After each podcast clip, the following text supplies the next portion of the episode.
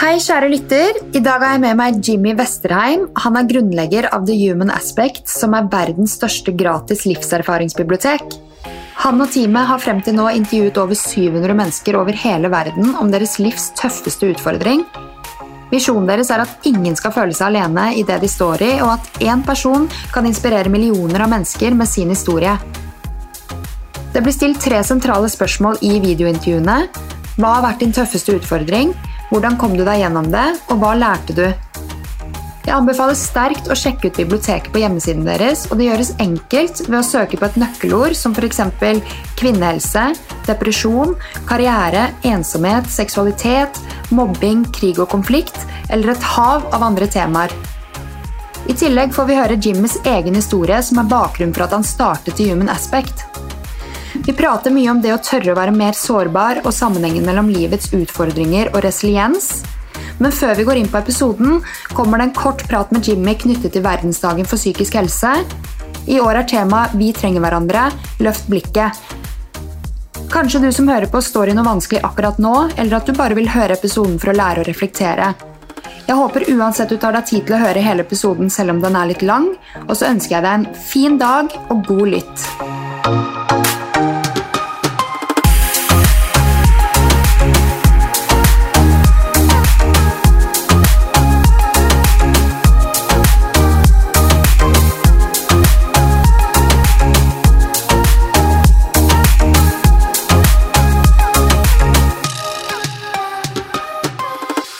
Hvordan kan vi løfte blikket i hverdagen? Jeg syns det er veldig fint at det står 'løft blikket', fordi for meg så representerer det litt det vi snakket om i stad. Vi har laget en verden, en individualistisk, hektisk verden. Kanskje spesielt da i byene, men også på, også på bygda, og litt mer der jeg kommer fra. Så jeg tror det her handler veldig mye om å tørre å utfordre seg selv. Jeg nevnte en liten ting i stad, med å gå til jobb uten å ha på seg noe på øret eller noe som helst. Det er én ting nevnte også i stad, vær med barna dine så mye du kan, vær med partneren din så mye du kan, vennene dine, men vær til stede når du er der. Jeg er en opptatt mann, det er ikke noe tvil om. Mens hvis jeg klarer da å f.eks. ha en time eller to eller tre eller fire eller hva nå enn jeg klarer å ha med en venn, så lenge jeg er til stede i den timen, så er jo det like flott for meg som det er for den andre personen. Mm. Mens hvis jeg klemmer inn tre timer, men i løpet av de tre timene så har jeg sittet litt på Instagram, jeg har svart på to mail, eh, så har jeg smartklokke plutselig. Jeg har ikke det, fordi jeg, nettopp pga. det jeg snakker om nå, så har jeg liksom der sendt en snap. Altså, Da kunne du likså godt latt være å møte meg, altså. Mm. For da er man ikke til stede. Nei. Så jeg tenker det kan være det viktigste med å løfte blikket. Mm. Og den siste tingen er jo å tørre Vi lever i en individualistisk verden, men vi eksisterer sammen med andre. Se rundt deg. Mm. Ser du en kollega som ser lei seg ut? Å, jeg skulle akkurat til å si Snakk det. med dem, liksom. Ja. ja. Sett deg ned. Hils på skolen eller hils i gangen. Eh, hils på kollegaene dine. Tør å spørre hvordan har du det. Det ser ut som at noe plager deg. Vi er mm. så redde for å liksom, tråkke over en grense, føler jeg. Ja, og vi er også redde for at vi må ha hele svaret. Husk, mm. det må dere ikke. Hvis du spør hvordan noen har det, og, og, og, mener det, da. Husk at det eneste de ønsker nå, det er å kunne fortelle deg hvordan de faktisk har det. De forventer ikke at du skal løse det. Kanskje de har prøvd å løse det i ti år, så de er veldig klar over at det, det er ikke lett. Ikke sant? Mm. Bare la de fortelle det. Og også anerkjenne at du trenger ikke engang spørre om det. Ser du en kollega som ser litt sånn trist og lei seg ut, bare sett deg ved siden av de til lunsjen mm. og bare spis mat. Tenk å si noe engang. Bare mm. se på de. Smile, anerkjenne og vise 'jeg ser at du har det litt vanskelig nå'. Derfor satt jeg meg her. Samme som du sier, man bare smiler til når man ser. Mm. Og det ved da å løfte blikket viser jo at du forstår at du er ikke senteret av universet. Mm. Det er ikke sånn at jorda spinner rundt deg. Vi er syv milliarder mennesker på denne jorda her, og alle er like viktige og like uviktige, på en måte. Mm. Og Derfor så er det jo viktig at vi som er rundt i vår krets, da, om det er 10-15-20-30 stykker du har i din krets, ta delansvaret for de, da. Mm. I den forstand at du er faktisk en viktig del av om de har det bra eller dårlig. Med de små og lange interaksjonene du har mm. med disse menneskene. Så jeg tror Det er liksom det fine med løft blikket-fokuset. Og det er det fine med å ha en verdensdag for psykisk helse. For man kan tenke at det er min altså gimmick og liksom, ja, men hva med de 363 andre dagene, eller 64? Ja, men la oss bruke den dagen til å minne oss selv på hva vi skal gjøre de andre 364 dagene. da. Så vi skal være litt mer til stede for hverandre. Og vi må huske at vi trenger hverandre, og at alle står i noe vanskelig før eller siden. Um, så du vet aldri hva den andre står i. Du ser bare ytterlaget, du ser det fysiske, men du ser faktisk ikke hvordan folk har det inni seg.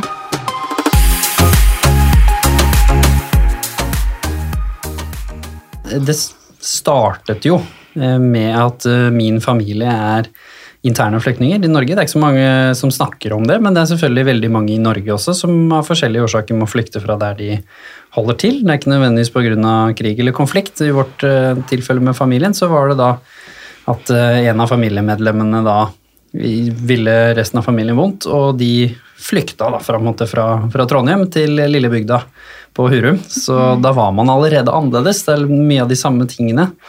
Man tenkte annerledes, man var fra en storby, man snakka rart. ikke sant? Man snakka Mm. trøndersk og ikke da hurumsk, hva nå enn det er for noe. Mm. Og dette vokser jeg opp i. I tillegg så mm, er jeg et hendig uhell, som mamma sier så flott, eh, som betyr at faren min var ikke involvert i starten, og på et eller annet tidspunkt så, så ville han også si at jeg ikke var hans, på en måte, som pusha på, og det var noe, gikk gjennom noe rettssystem og sånne ting. Så det er jo den energien jeg er født inn i. Jeg husker ikke dette her, og har ikke noe minne fra dette. Men som vi vet innenfor psykologi, så, så er det med å prege min vei inn i livet. Så jeg er nok litt annerledes selv fra starten av, vil jeg påstå. Ble ganske fort mobba for det her, for en stefar, så jeg får liksom den tryggheten og er heldig sånn sett. Og Så kommer jeg inn på skolen, der føler jeg meg ikke trygg i det hele tatt. Prøver å være meg selv, funker veldig dårlig. Da er vi tilbake på bygda, maskulin, ikke sant? store gutter skal ikke gråte, og veldig fokus på det. Mens jeg har vært så heldig å vokse opp med ganske mange sterke kvinner. Bestemor var veldig nære, tante og mamma var veldig nære, spesielt da jeg var ung. Så jeg var nok mer sånn omsorgsfull og hadde en del attributter som mange ville kalt da mer feminine. Og i den eh, veldig simple, tradisjonelle verden som jeg vokste opp i da, så ble man mobba for å være homofil. Uten at det er noe som helst sammenheng eh, med det, men det var det stempelet som jeg fikk. Og da begynner det å bli ganske luggent i barneåra, inn i ungdomsskolen. Og så får jeg kontakt med min biologiske far igjen. Han sliter med alkohol, sliter med livet generelt sikkert. Og så plutselig kommer jeg i en sånn rar situasjon hvor hjemme på Hurum har jeg det egentlig ganske trygt og fint i familien. Men på skolen og utafor huset er det utrygt i mine øyne. Jeg kan ikke være meg selv og føler meg har ikke lyst til å være der. Har ikke lyst til å eksistere i den verden. Hos uh, biologisk faren min så føler jeg meg utrygg i hjemmet, og det er noe off med hele den greia og den energien der som jeg ikke liker, og som jeg ikke er vant til fra min hjemmekontekst. Men utafor så fikk jeg plutselig lov å være en annen. Da var det ikke den mobbinga, jeg var kanskje sett på som litt kul, jeg hadde en yngre bror, ikke sant? plutselig en del ting som jeg mangla på den andre. Og da står jeg i den konteksten at jeg ikke sier ifra. For det høres jo veldig rart ut at noen som egentlig har et trygt hjem på den ene siden, velger å være i et utrygt hjem når du ikke må. Ikke sant? Jeg kunne jo bare sagt nei. Men så velger jeg det fordi det ga meg noe som jeg mangla utafor. Ja. Og så plutselig sier jeg ikke fra til noen. Og ingen som spør heller. Ja. Så plutselig så blir jo min største utfordring som jeg snakket en del om, at det blir jo når jeg var 13 år, da, midt oppi dette her, og skjønner at jeg må liksom avslutte forholdet med min biologiske far, og da mister jo veldig mye mer enn han. Som storebror, liksom, alt dette her forsvinner jo litt i periferien. Og det forholdet som man da får til alkohol, hvor man føler at det endrer folks personlighet. Han var egentlig ganske kul og snill og hyggelig når de få gangene han da på en måte ikke var påvirka. Da. Og da får man jo også det en traume oppi alt dette her. Og så til slutt så er jeg såpass uheldig at mamma også blir syk oppi den prosessen her.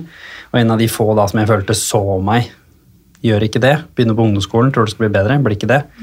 Da liksom bare raser det sammen. Hvem er det som så deg da? For jeg jobber på ungdomsskole selv nå. Veldig sårbar gruppe. Det Det skjer ekstremt mye i hjernen, i kroppen, hormonelt. Altså, man er jo i en løsrivelsesfase fra foreldrene, så det er liksom mellomstadiet mellom barndom og voksenlivet. Og jeg bare, Når jeg snakker med de og bare hører alle de historiene de har fra barndom og sånn altså det er, eh, det er utrolig givende å jobbe med, men eh, du tenker bare den 13-åringen som sitter her og har opplevd ditten og datten, og man kan jo bare tenke seg Det er Man er så sårbar liksom helt til man Egentlig hele livet, men særlig i den ungdomstiden. da. Hvem er det som du følte Var det ingen som så deg? Bestemor så Det var nok ganske mange som så meg, men igjen så er vi barn og tenåringer litt rare. da, ikke sant? I perspektivmangel så leter man jo etter at man blir sett av de som ikke ser deg. ikke sant? I dette tilfellet underbevisst en biologisk far. Kanskje også noen av de andre rollemodellene mine. Stefaren min var veldig flink til å være i fotballen og sånn fram til da, som var min største passion. Men når han egentlig ikke har den interessen i bånd, så gjorde nok han det mer for å være en god far. Mm. Og han gjorde den rollen, og gjør den rollen fortsatt, eh, veldig bra. Men da trekker de seg ut ikke sant, av den tingen som betyr mest for meg. Skolen også. måte, de er ikke så involvert som de var. Jeg liksom ADHD og liksom problembarnet. Som de forskjellige samtalene som jeg hadde på skolen, var liksom ikke det hyggeligste med lærerne. Det var sånn fem minutter om hvor flink jeg var, og så var det 40 minutter om hvor vanskelig jeg var. ikke sant? Så plutselig så føler jeg meg veldig aleine, selv om de egentlig ser meg, og jeg isolerer meg selv også fra dem og slutter å fortelle, fordi det er jo ikke noe vits. Jeg har jo fortalt om denne mobbingen siden jeg var liten, det skjer jo ingenting, så hva er vitsen med å si det en gang til? Så har jeg en bestemor som ser meg. Det var, liksom, var nok det eneste stedet på den tiden hvor jeg følte at jeg kunne være meg selv. Og for å gi et lite bilde om hvor dårlig jeg hadde det inni meg, da. Så begynte onkelen min, som jeg også hadde et veldig godt eh, forhold til på den tida der, og begynte å jobbe som vaktmester på ungdomsskolen en liten stund. Og istedenfor å være ute blant de som man burde ha vært, liksom kanskje titta litt på jentene eller flørta litt, spilt fotball, hatt det gøy med venner, ikke sant, sånn som man burde gjøre på ungdomsskolen, så satt jeg da i friminuttene inne hos han, hvis jeg fant han, oh, ja. og spiste der isteden. Onkel er kul, jeg, jeg skal ikke si noe på det, men det var ikke derfor jeg satt der. Nei. Jeg satt der fordi det følte meg trygg, og jeg tror ikke vi snakka om noe så dypt, ikke som jeg husker i hvert fall, men bare det å være rundt han og få lov å være meg, eh, hjalp veldig mye, og jeg tror han møtte det på den måten han kunne den gangen. ikke sant? Det er jo en tidligere generasjon, hvor han egentlig bare skjønte at sikkert noe var off, men istedenfor å prate dypt om det, så bare var han med meg, på en måte, og lot meg henge litt rundt. Typisk mann da, å ikke gå i dybden på det. Ja. Selv om han var der jo tydeligvis for deg. Men eh, savnet du faren din? Var det et savn? Tenkte du mye på han? Kunne ønske at ting var annerledes? Nei, på den ene måten så gjorde jeg jo ikke det, for jeg hadde jo en god far. Eh, sant? Og hadde jo konflikted tanker om hva far egentlig betydde. Jeg, på et eller annet tidspunkt så var det jo så ille at jeg hata jo min biologiske far. Det ble jo veldig vonde følelser her. Og da begynte det å bli sånn blod betyr ingenting. Han andre gjør jobben, og hva med han andre tullingen? Hvorfor har jeg han i livet i det hele tatt? Men samtidig, så fordi jeg hadde en annen far, så tillot jeg meg heller ikke å få lov å sørge. For jeg har jo en. Jeg kjente jo folk som ikke hadde en far i det hele tatt. Jeg kjente folk som ikke hadde foreldre i det hele tatt. Så da skal man, bli man liksom Hva er det jeg sutrer over, på en måte? Og objektivt sett kanskje det også for så vidt stemmer, men problemet er jo når man emosjonelt ikke tillater seg å ta inn over seg at noe preger deg, så havner det i underbevisstheten, og det gjorde det for meg. Så på det tidspunktet her, alt raser sammen, så har jo jeg sagt at jeg sitter jo i et tre, jeg gjorde det for så vidt ganske ofte, men denne gangen så sitter jeg i et tre og planlegger nå hvordan jeg skal forlate verden, altså hvordan jeg skal ta mitt eget liv. Og hvor jeg har gitt opp, på en måte. Og da er du 13 år? Ja, nå er det tre år igjen på ungdomsskolen. Jeg trodde ting skulle bli bedre. Ble ikke det, kanskje verre på et tidspunkt. Og så blir jeg litt sånn, det gidder jeg ikke. Altså, jeg har ikke de tre årene. Her er det veldig viktig å si at veldig mange som er voksne, som snakker med tenåringer, det vet jo du godt, som jobber på ungdomsskolen, vi glemmer hva som skjer med tidsperspektivet vårt når vi blir voksen. Å si til en 13-åring at vet du hva, gi det noen år. ikke sant? Det ble sagt masse til meg, så kommer du til å være den de vil ha fordi jeg representerer såkalt en moderne mann. hva nå enn det var, At jeg hadde kontakt med både min feminine side og min maskuline side. ikke sant? Men å si det til meg og si at jeg skal vente til jeg kommer på videregående Altså, Jeg klarte jo så vidt å tenke tre uker fram i tid. Tror du jeg klarer å tenke tre år fram i tid? Mm. Hva tror du fint. kunsten er der? Fordi Jeg også snakker med ungdom som er bekymra for fremtiden. De tror virkelig de skal feile, at det ikke er lys i tunnelen. Um, veldig mye press rundt karakterer. Uh, og så prøver jeg å trygge dem på at For jeg ser jo at dere er dritbra folk, liksom. Uh, dere kommer til å klare det. Men uh, de trenger på en måte å føle det selv og få den indre troa på at jeg kommer til å klare meg. Hva er, hva er kunsten der på en måte til en 13-åring? Jeg tenker det er veldig viktig å, å lytte og ikke bagatellisere det de føler, men samtidig ikke, ikke speile som en sannhet heller, på en måte. Og, og, da må man klare å støtte dem i det at jeg forstår at dette er vanskelig, og også si at jeg forstår faktisk ikke hvordan det er. Jeg har jo sagt mange ganger at hvis jeg var 13 eh, i dag med sosiale medier og de tingene, så hadde jeg antagelig vært død. Altså fordi da hadde det vært så mye verre. For jeg kunne i hvert fall gå inn hos bestemor, hos mamma, lukka døra. Mm. Da var det ikke noen mobbere som fulgte meg inn. Sant? Mens i dag, mobilen ligger ved siden av meg her, mm. de er på Snapchat, og så sier foreldre ja, ja, men bare ikke vær på Snapchat og Instagram. Ja, lykke til hvis du ikke er på Snapchat, Instagram og TikTok. Mm. Da blir du i hvert fall mobba. Så liksom, det er en sånn umulig spiral hvor du konstant får dette etter deg. Så det da å være voksen og late som og tenke og tro at vi vet hvordan de har det, og i tillegg rote oss ut i det virkelig farlige vannet, som er det hvor vi begynner å snakke om at ja, men det var verre enn når jeg var yngre. Mm. Og sosioøkonomisk så stemmer nok det. Mm. Men en 13-åring bryr seg ikke om sosioøkonomi. En 13-åring bryr seg om den virkeligheten de er i, og der tror jeg det er veldig viktig at vi anerkjenner at dagens unge går gjennom annerledes utfordringer. De er mm. ikke verre eller bedre enn de vi hadde. De er bare annerledes, og vi mm. som er voksne, vi forstår dem ikke. Og akkurat som mine foreldre forsto ikke mine utfordringer med sosiale medier bitte litt på veien. Mm. Kall det hva du vil, deiligst.no, de tingene vi hadde. Ja, ja. Messenger og mm. sånn. Så det var jo på vei.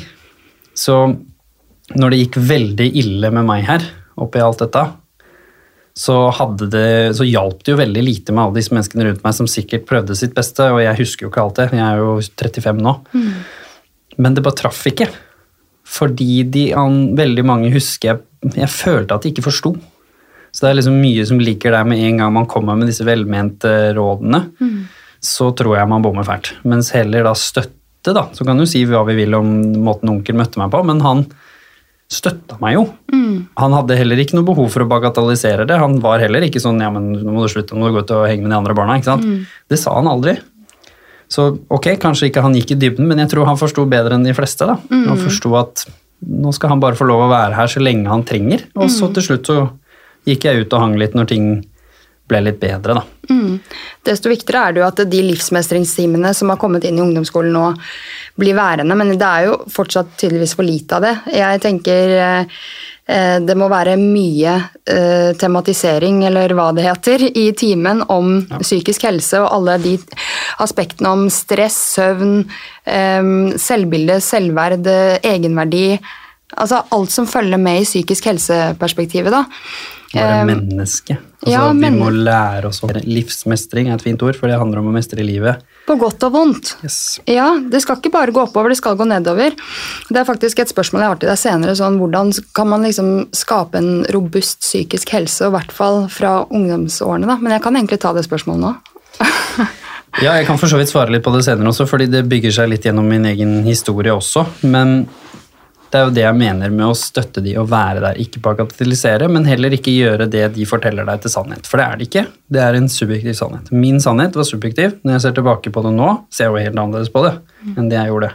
Men det betyr ikke at jeg, holdt, altså at jeg ikke holdt på å dø av det for det. Altså Mine foreldre hadde jo ikke brydd seg filla om jeg var diagnostisert med depresjon eller ikke hvis jeg hadde tatt mitt eget liv.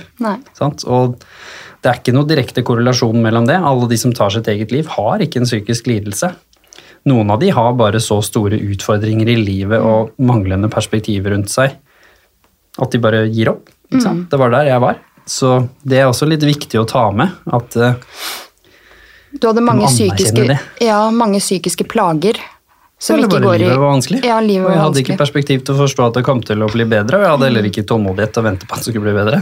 Hvem er det som skal inn der? på en måte? Fordi ja, jeg har en sånn eh, støttefunksjon i skolen hvor jeg kan ha støttesamtaler. Jeg skal jo ikke behandle, for jeg er ikke noen psykolog eller lege, men eh, det å på en måte sitte og lytte og ja, ha støttesamtaler, da. Men lærerne har jo ikke tid til å følge opp. altså I en klasse så er det jo mange som har eh, problemer knytta til psykisk helse og livsmestring. Eh, hvor er det man på en måte kan eh, få det inn sånn at flest mulig ungdommer For man må starte der, helst i barneårene, men i hvert fall ungdomsårene hvor det er så stor endring i hjernen og i livet generelt. da. Handler jo om innsikt og forståelse. Det er jo klart at som 13-åring, det jeg mangla mest, var et emosjonelt vokabular til å fortelle hva som skjedde inni meg. Jeg kunne fortelle hva som skjedde rundt meg, men jeg kunne ikke fortelle hva som skjedde inni meg. Og jeg mangla også en eh, psykososial forståelse, som heter så flott, som egentlig bare betyr at jeg manglet forståelse om at det jeg går gjennom nå, er noe som påvirker hjernen min til at hvis jeg går ut om morgenen, så ser verden annerledes ut enn hvis jeg hadde hatt det bra. Mm. Det visste jeg jo ikke. Så jeg visste jo ikke at de tankene jeg hadde inni hodet mitt, ikke var objektive. Mm. At de genuint speila noe, som f.eks. at jeg sikkert hadde masse folk rundt meg som støtta meg, men jeg fokuserte ikke på de. Mm. Jeg fokuserte på de som ikke gjorde det. Mm. Som er helt vanlig. Som handler ikke om at det er noe galt, eller Men det bare handler om det jeg visste ikke det. Mm. Og selvfølgelig stigma og skam. Jeg hadde blitt fortalt hele livet at store gutter gråter ikke, som jeg sa. Jeg hadde blitt mobba i tillegg da for mine feminine egenskaper, og hadde jo da selvfølgelig også undergravd de litt i en søken for å prøve å passe inn. Og når jeg fant endelig idretten, da, som var jo min redning i noen år, da, før liksom jeg møtte en annen spennende utfordring Hvilken idrett? Så var, alt, Jeg har jo ADHD, så det var jo basketfotball, ikke sant. Men ja. ishockey og alt mulig rart. Svømming. Ja. Men det var fotball som liksom var den store, da. Mm. Men jeg trente jo absurd mye. Fordi det var den ene arenaen hvor jeg følte at jeg ble bare målt på hva jeg gjorde og ikke målt på hvem jeg var. Mm. Hvem jeg var, fortalte samfunnet meg fra mange aspekter. Alt fra min egen biologiske far til andre, noen rare familiemedlemmer, til skolen. Fortalte at det er ikke bra nok. Mm. Det greiene her, det liker vi ikke. Det mobber vi. Eller rejecter vi. Men på banen, på idrettsbanen, så var det litt sånn Ja, men er du god? Så er det ingen som brydde seg om du så sånn ut, eller om du var litt feminin eller maskulin, eller om du var høy eller lav eller gutt eller jente. Det var ingen som brydde seg om, ikke sant? Det var jo så på tiden hvor gutter og jenter spilte jo mye sammen også. Mm. Så lenge du presterte, liksom? Så... lenge du presterte, så var du kul på banen. Eh, jeg ble jo mobba igjen i garderoben, men det kunne jeg leve med. Mm. Og da da finner man én mestringsarena. Det kunne like så godt vært teater, kunne vært sang, kunne vært hva som helst. Men folk finner jo sin eh, arena. Og så begynner det å gå bedre. Da klarer jeg liksom å leve med de andre tingene. Da ble det litt mindre mørkt. Kom inn på idrettslinja, var mitt store mål på ungdomsskolen. Skulle vekk fra bygda, vekk fra disse tullingene som jeg følte i hodet mitt. Hadde også en drøm om at verden var større enn Hurum, og det er den jo for så vidt. Men det er ikke noe hemmelighet. Så kom jeg på idrettslinja, ting begynner å bli bedre. Men nå begynner det å skje litt sånn rare ting inni hodet mitt. Så liksom en psykologisk forklaring på det. da. Mitt selvverd, som i utgangspunktet bare skal være at jeg er god nok, som kommer fra at noen i familien din og de rundt deg anerkjenner den du er. Som jeg sa, det ble anerkjent av noen, men egentlig ikke sånn som jeg følte det burde ha vært. Plutselig nå er det 100% forbundet med mine prestasjoner. Da begynner man å bli ganske rar inni hodet sitt. Da hadde jeg noen besteforeldre som brydde seg om det akademiske, så da var det viktig for meg å gå der. Da fikk jeg anerkjennelse der, for da tenkte jeg da er jeg bra. Mm. Så var det idrett. Det var der jeg ville være god, mm. og fordi da var jeg kul i gjengen, altså blant mine peers, så du kan kalle det det. Så da måtte jeg prestere der, for da ble jeg ikke like mye mobba. Og så var det selvfølgelig litt den der jenteflørte- eller kjærlighetsarenaen. Hvis man presterer litt der, så får man noe anerkjennelse også i sine peers. Så da mm. liksom prøvde jeg litt på det. Og så hadde du den andre siden, så var det at man skulle være snill og god og varm, som egentlig var de naturlige egenskapene, tror jeg, hos meg. Det var det også noen andre familiemedlemmer som brydde seg om. Og så var det plutselig hjemme om man var ryddig. Liksom. Altså, mm. Poenget er at det var mange arenaer, men veldig mange av disse arenaene er ikke samme person. Mm. Så plutselig så begynner du å bli en sånn merkelig kameleon som begynner å gå ganske langt vekk fra hvem du egentlig er. Mm. Og begynner å ilegge deg egenskaper som tenker 'gjør jeg alt dette her', mm. det er bra. Gjør jeg ikke disse tingene her, da er jeg ubrukelig. Mm. Og så er det ingenting imellom. En med en sunn selvverd. Altså Hvis du stryker på en prøve og vet at det var fordi du var ute og flørta med noen på kvelden før og du ikke leste, så, så vet du det. Og da er du sånn Ja, ja, Fikk treer på dette. Surt, det er møkk, det, men hadde jeg lest bedre, så hadde jeg fått femmeren min. Mm. Men i et hode mitt, uansett hva som var grunnen, mm. så var jeg ubrukelig hvis jeg ikke fikk det til. For da begynte jeg å hakke på meg selv. Hvorfor var du ute i går? Hva var det du gjorde? Hvorfor la du deg seint? Hvorfor leste du ikke mer? Hvorfor leste du ikke tidligere? Ikke sant? Sånn veldig sånn klassisk perfeksjonisme, selvkritikk, hakk mm. inni huet sitt. Begynner å bli ganske streng. Og jo eldre jeg blir, for liksom prøve å gjøre en veldig lang historie litt kortere, så kommer man jo liksom inn i at man bare vil prestere mer og mer og mer. Man mm. feirer ikke over noe heller. Så fikk veldig gode karakterer til slutt på ungdomsskolen. Jeg fikk måtte, hacka ut hvordan jeg skulle lykkes med det. Til og med klarte å få ordenskarakteren min litt på stell. Det tok litt tid.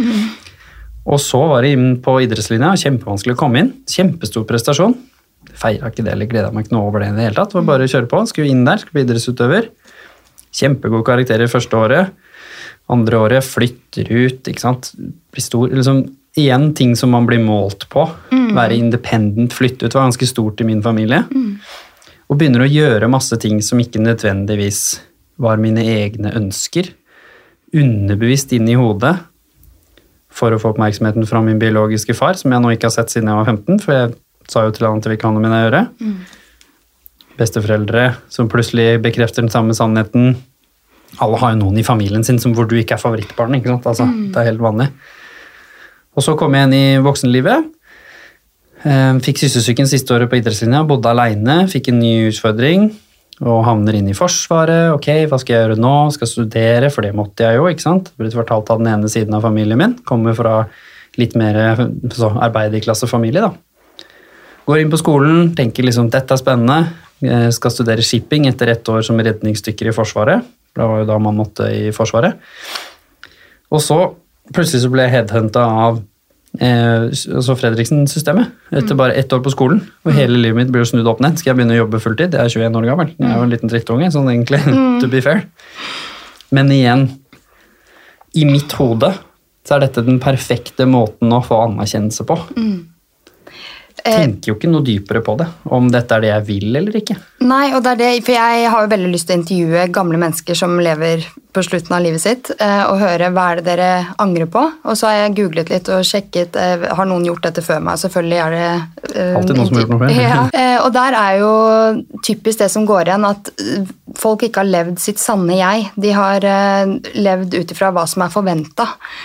Og det er så trist, fordi jeg bare merker selv hvordan samfunnet egentlig har bestemt hvordan jeg skal Jeg trives veldig godt i jobben, altså, men hadde jeg bestemt eh, hvordan jeg skulle levd nå, så hadde jeg vært mye mer med barna mine, f.eks.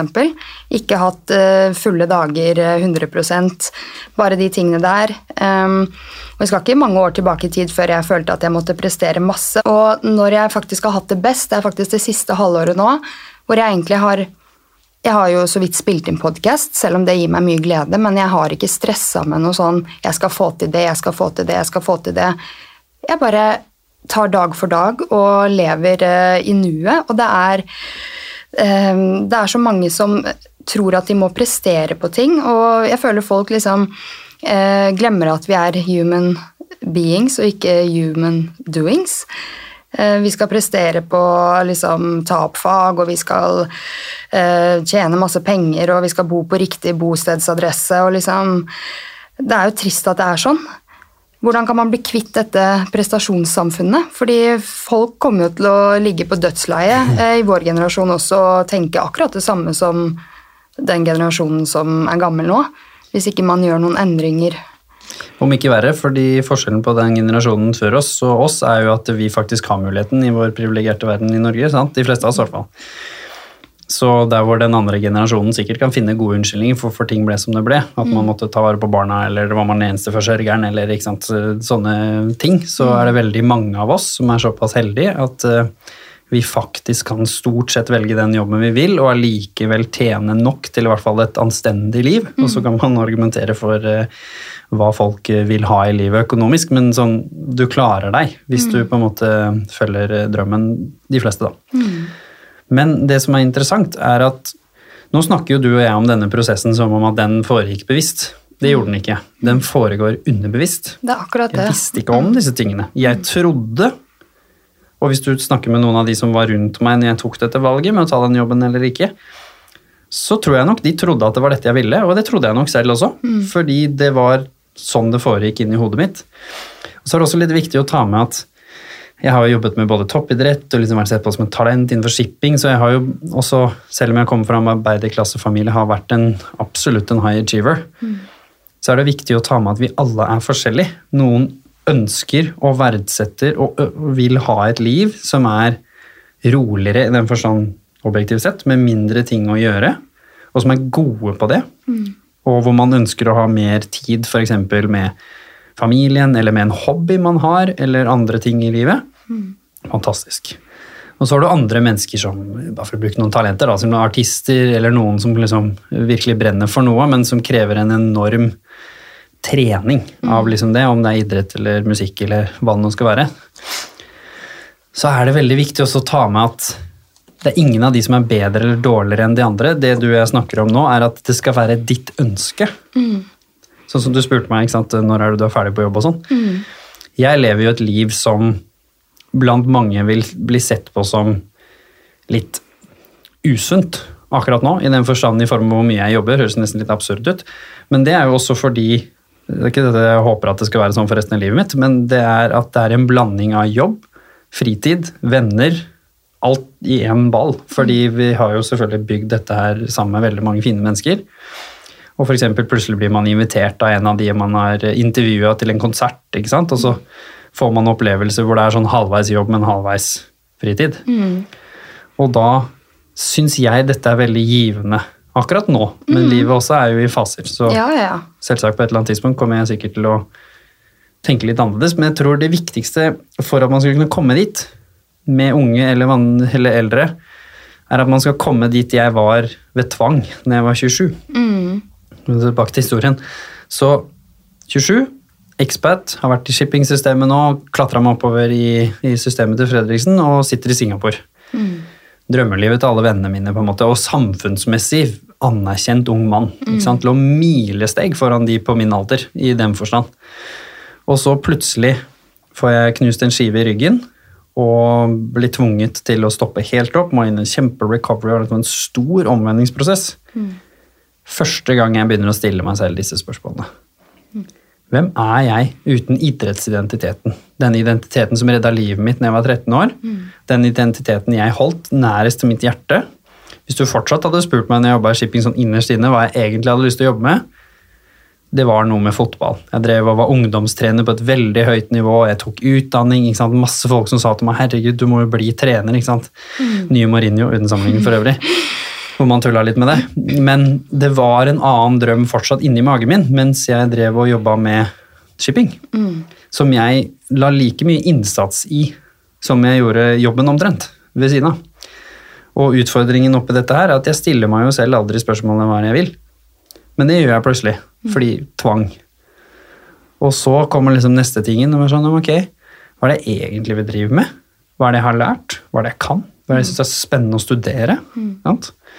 Og så plutselig kommer de spørsmålene som jeg antagelig burde ha spurt meg selv litt tidligere. Nå sier jeg ikke at jeg hadde kommet fram til de samme svarene, for jeg har også eh, jeg har veldig stor tro på at levd erfaring er en viktig ting. Å prøve og feile er litt viktig. Jeg tror samfunnet vårt er bygd opp på en måte hvor Altså, nå skal du på ungdomsskolen velge videregående, fordi det er en million forskjellige valg. Det var det jo ikke når jeg studerte.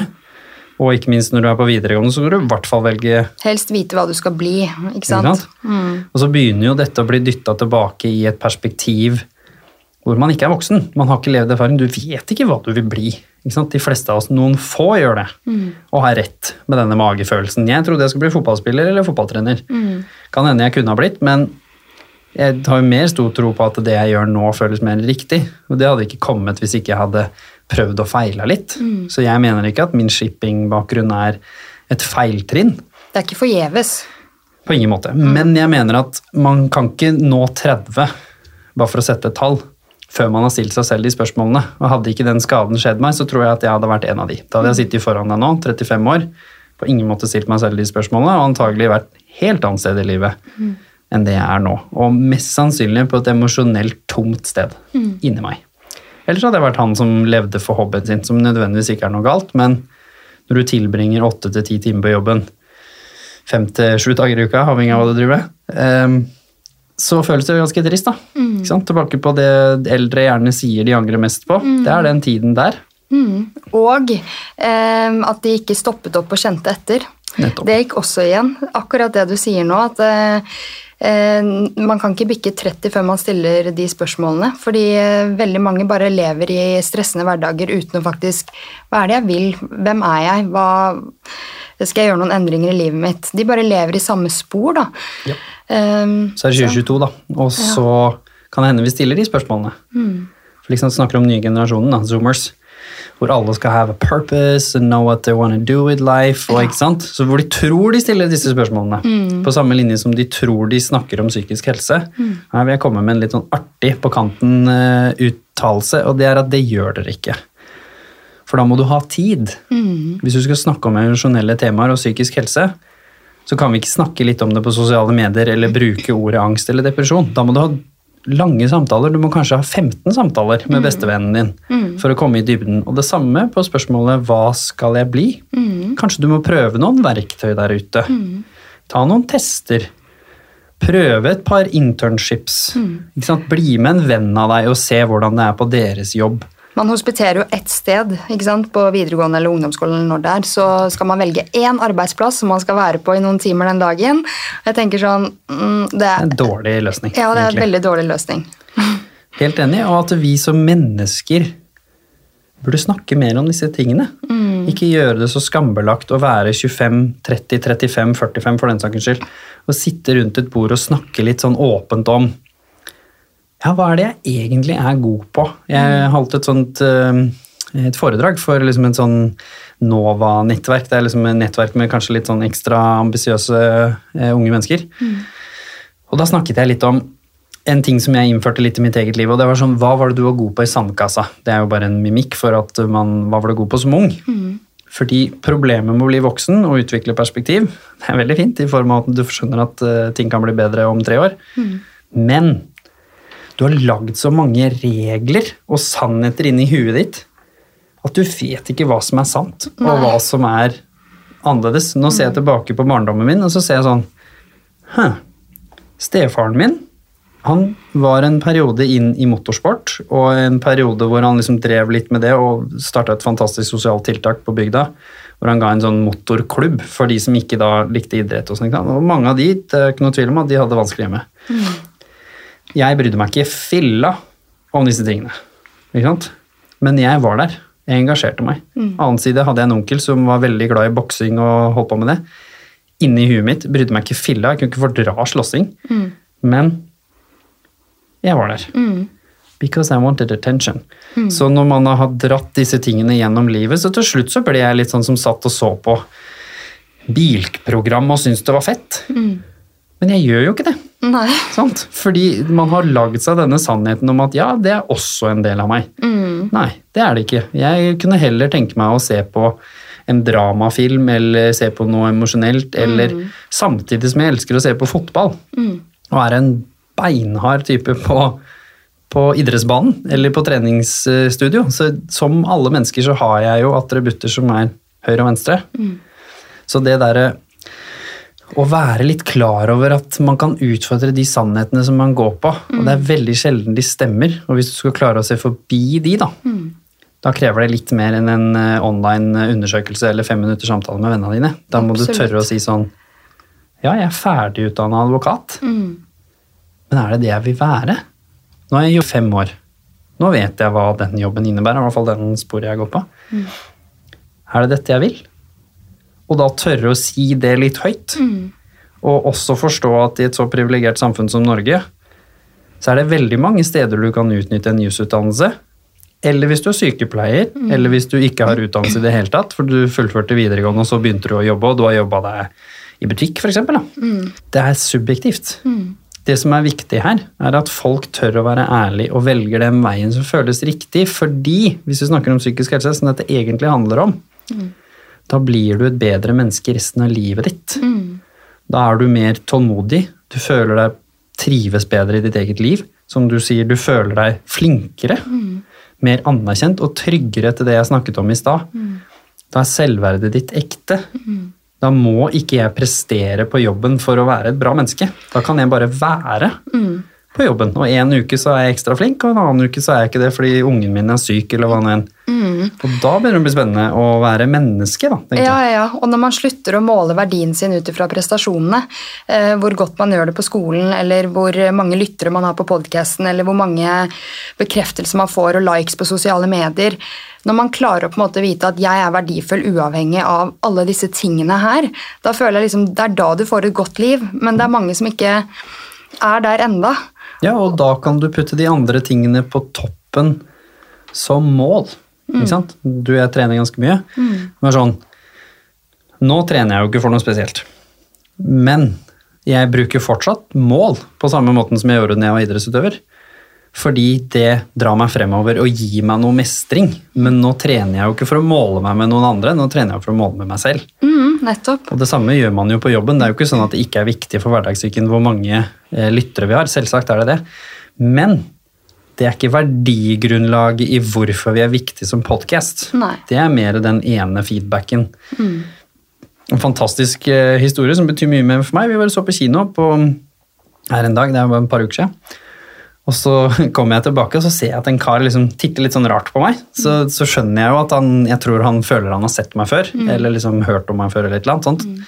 Veldig sjelden jeg opplever dette her, så dette er ikke noen sånn dårlig kjendishistorie. Det, det har ikke skjedd før, akkurat det der. Det hadde ikke forundra meg, da. Altså at uh, Det er hyggelig, Dere begynner å vokse nå. det. Ja. Mm. Men uh, det var litt sånn morsomt at jeg skjønte jo det var noe. Og så stopper han meg, og så sier han liksom Er du Jimmy? Jeg bare Ja, det er liksom hvor, hvor har du møtt meg? på en måte? Jeg holder jo foredrag og gjør mye, så det kunne vært mange steder. Mm. Og så sier han jeg har lytta på Hverdagssyken veldig lenge, og det betyr veldig mye for meg. Mm. Dette er da en voksen mann, kanskje 35-40. Så ut som en veldig vellykka person, hvis vi skal liksom dømme fra utseendet. Som stopper meg sårbart og forteller meg at det har vært viktig for ham. Det krevde mye av han. Det betydde enormt mye mer for meg enn alle lyttertallene. Men lyttertallene betyr mye fordi alle tallene er en Christian som Ja, stoppa ja, ja. meg. Nettopp. Ja.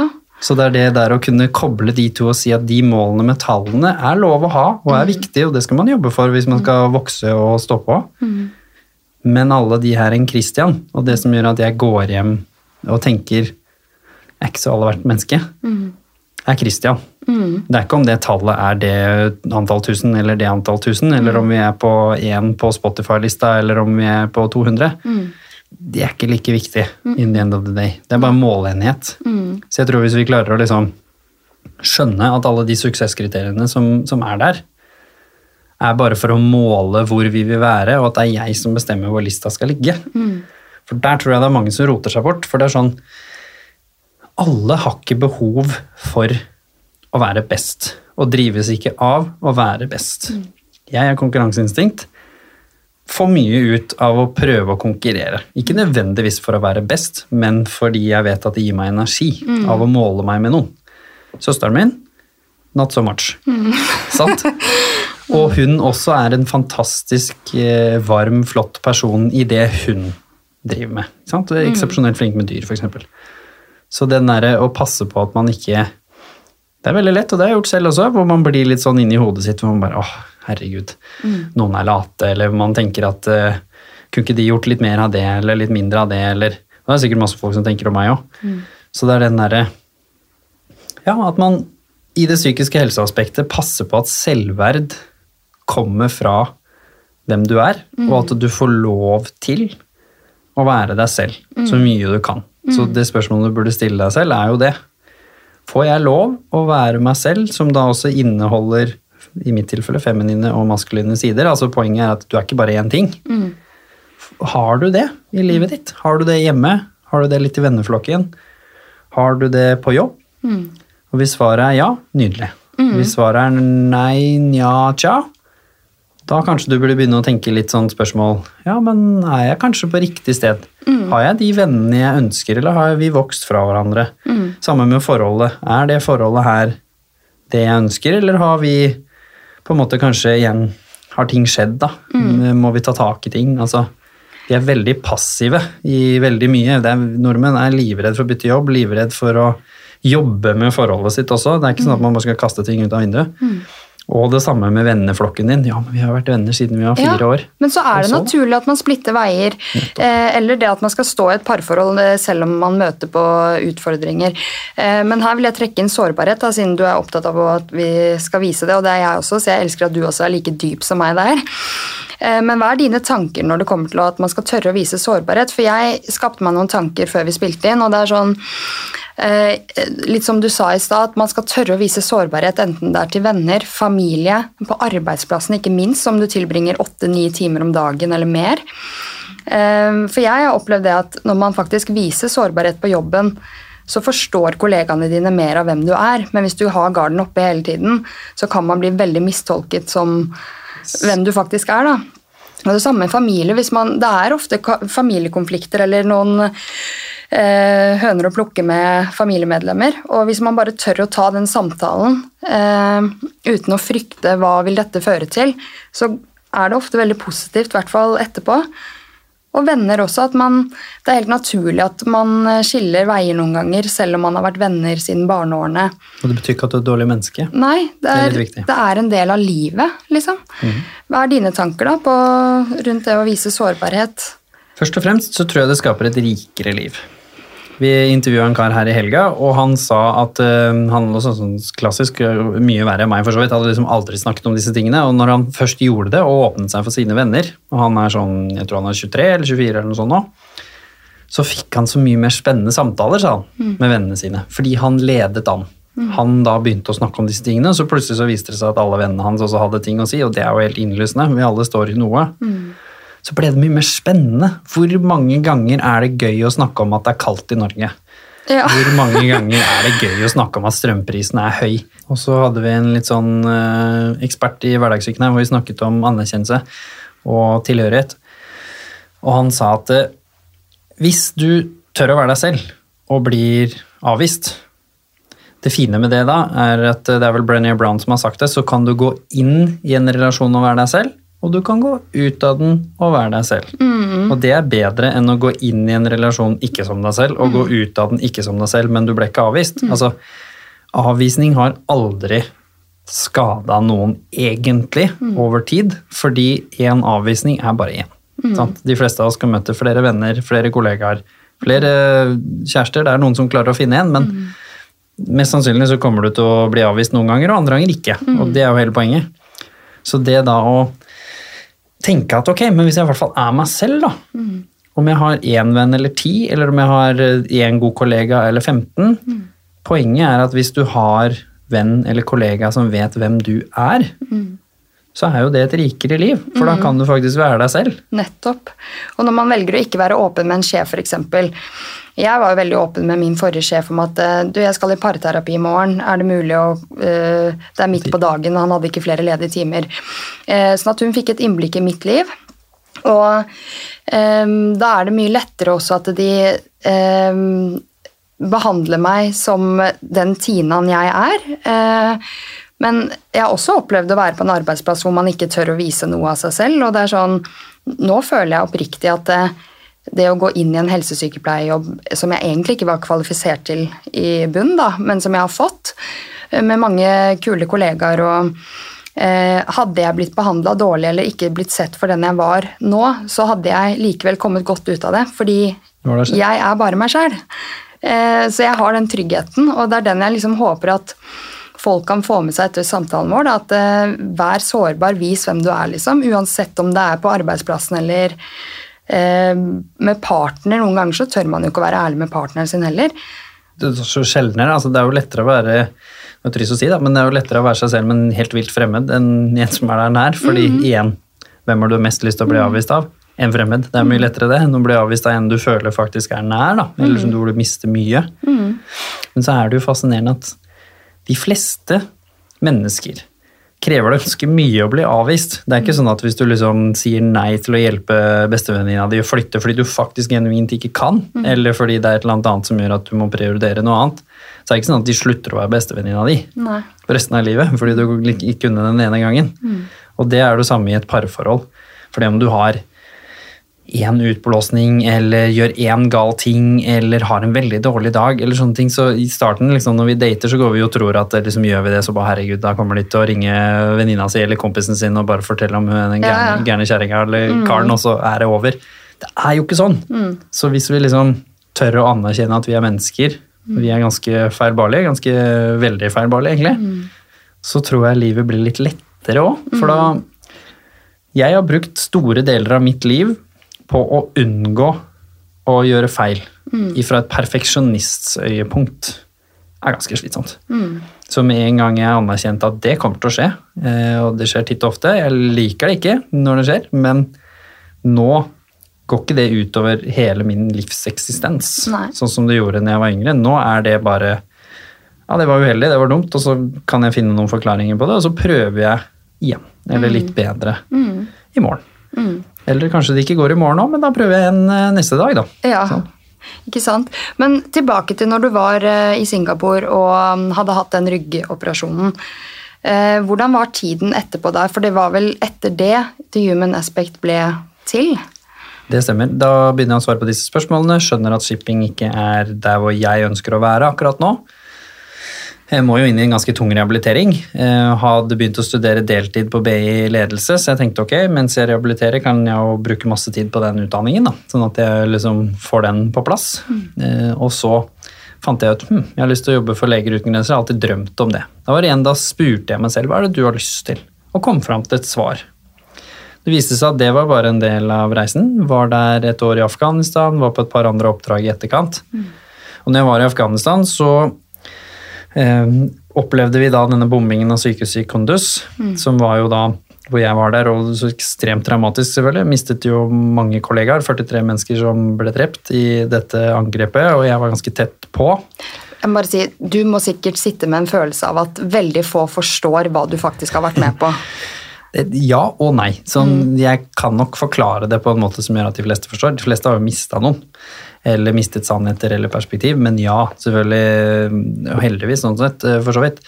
Er det jo, fleste har jo ikke opplevd krig, men jeg er også heldig og bare har opplevd krig i et år. på en måte, Og har vært på besøk, hvis vi skal kalle det det. Mens vi får jo masse mennesker som kommer eh, til Norge, og som er, som er her nå også, som er født her, og for så vidt, som har opplevd krig.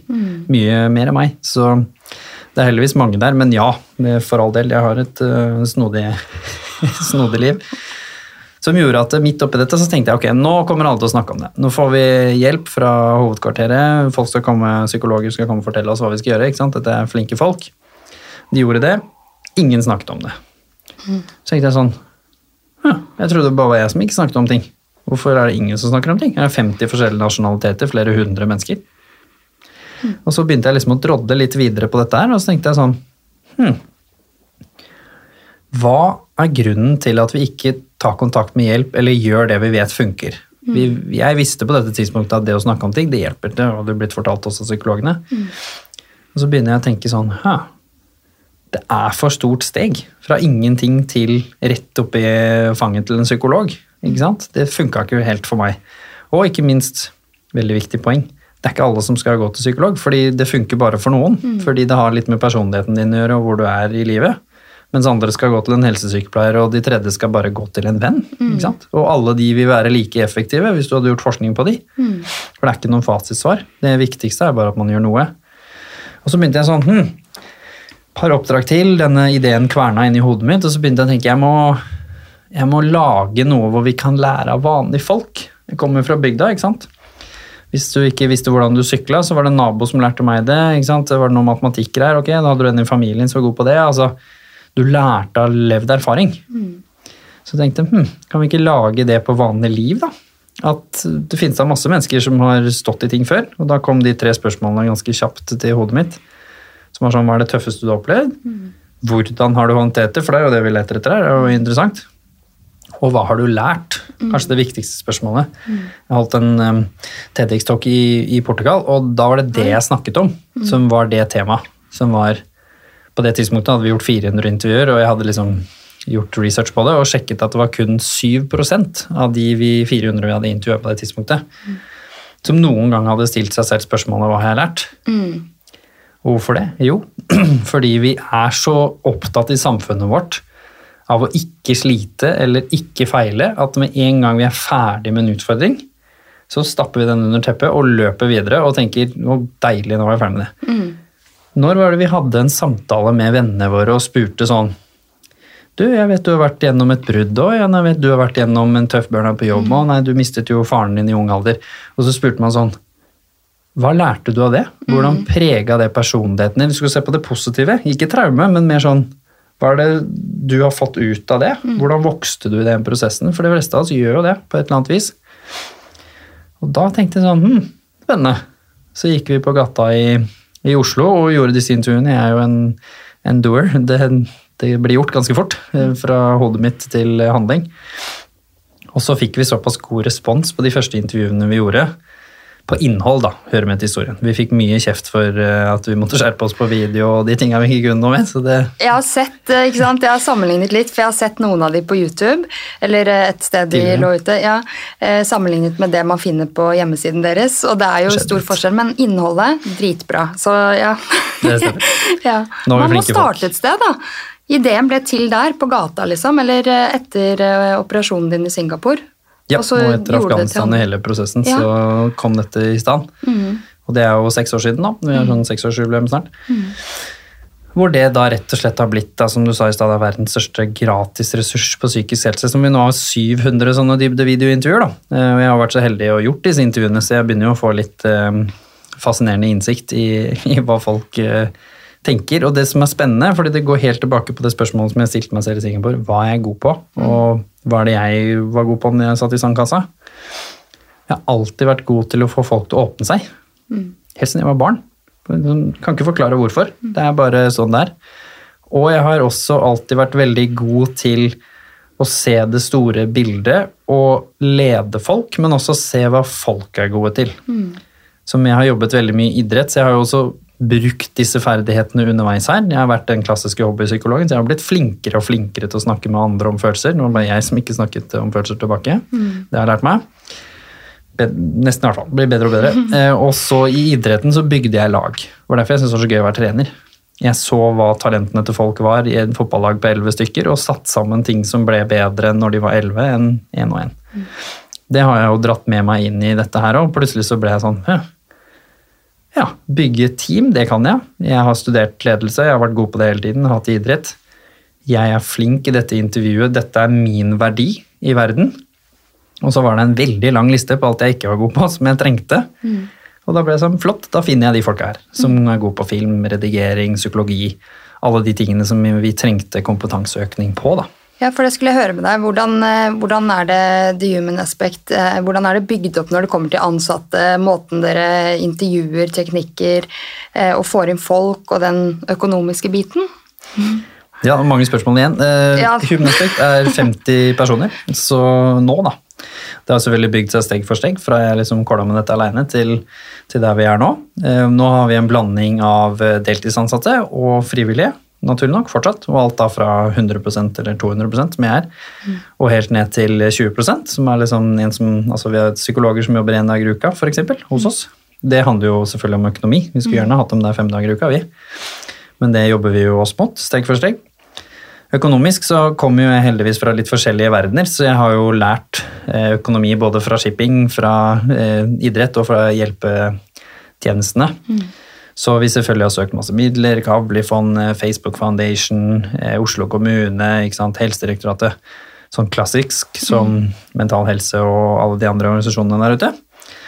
Og så har vi også eh, selger foredrag og workshops til bedrifter, og har egentlig fått veldig stor suksess på det, som har vært veldig givende også, fordi det er jo der vi voksne går på skolen, holdt jeg på å si. Det er der vi er. Så skolen er jo en arena som er veldig viktig for oss i human aspekt. Men det er også bedriften, for det er der du når voksne mennesker med større forståelse for psykisk helse. da.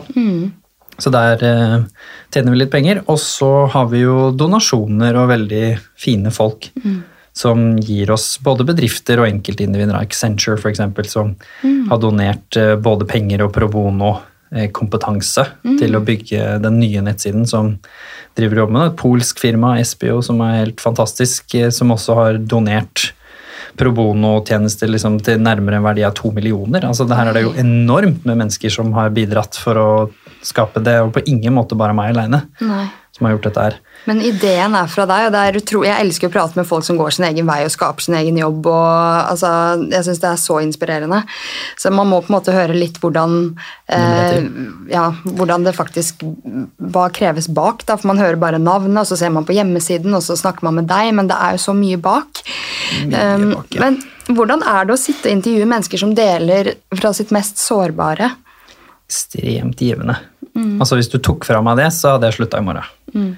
Sant? Dette er ikke Ja ja, det er gøy å være entreprenør og alt dette her, men det er også et eh, ja, unnskyld uttrykket, et lite helvete. Ikke sant? Det er beinhardt. Det er veldig mye frustrasjon. Det er veldig utfordrende, som jeg for så vidt syns er gøy. Men det kunne jo, hadde ikke trengt å være utfordrende hver dag, mens det blir det fort når du skal skape din egen arbeidsplass. Spesielt innenfor et eh, tøft felt, da, ikke sant? som psykisk helse er. Men akkurat den fantastiske tingen jeg har når jeg setter meg ned i denne stolen og vi trykker liksom record, og jeg snakker med et annet menneske som Stort sett så vet jeg ikke hva utfordringen er i det møtet. Det er en del av intervjuteknikken som du spurte om i stad. Mm.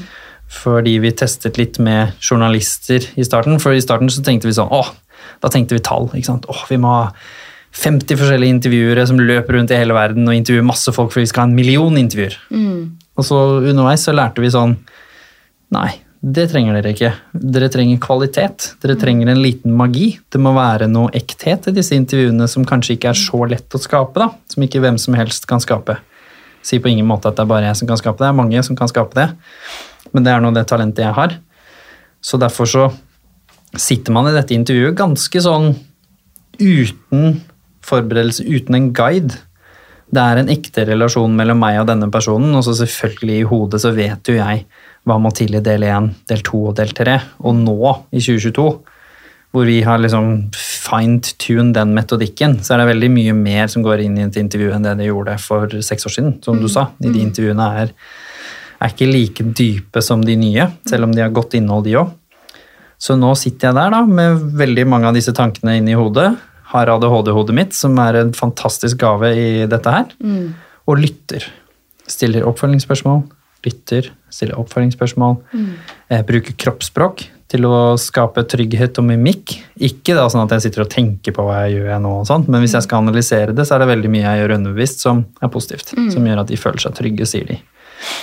Og det å kunne, som en 1,90 høy mann, kunne intervjue en kvinne om overgrep, mm. sier ganske mye mm, om min personlighet. Og det kommer tilbake på det jeg ble mobba for da jeg var liten. Femininiteten. Mm. Yes.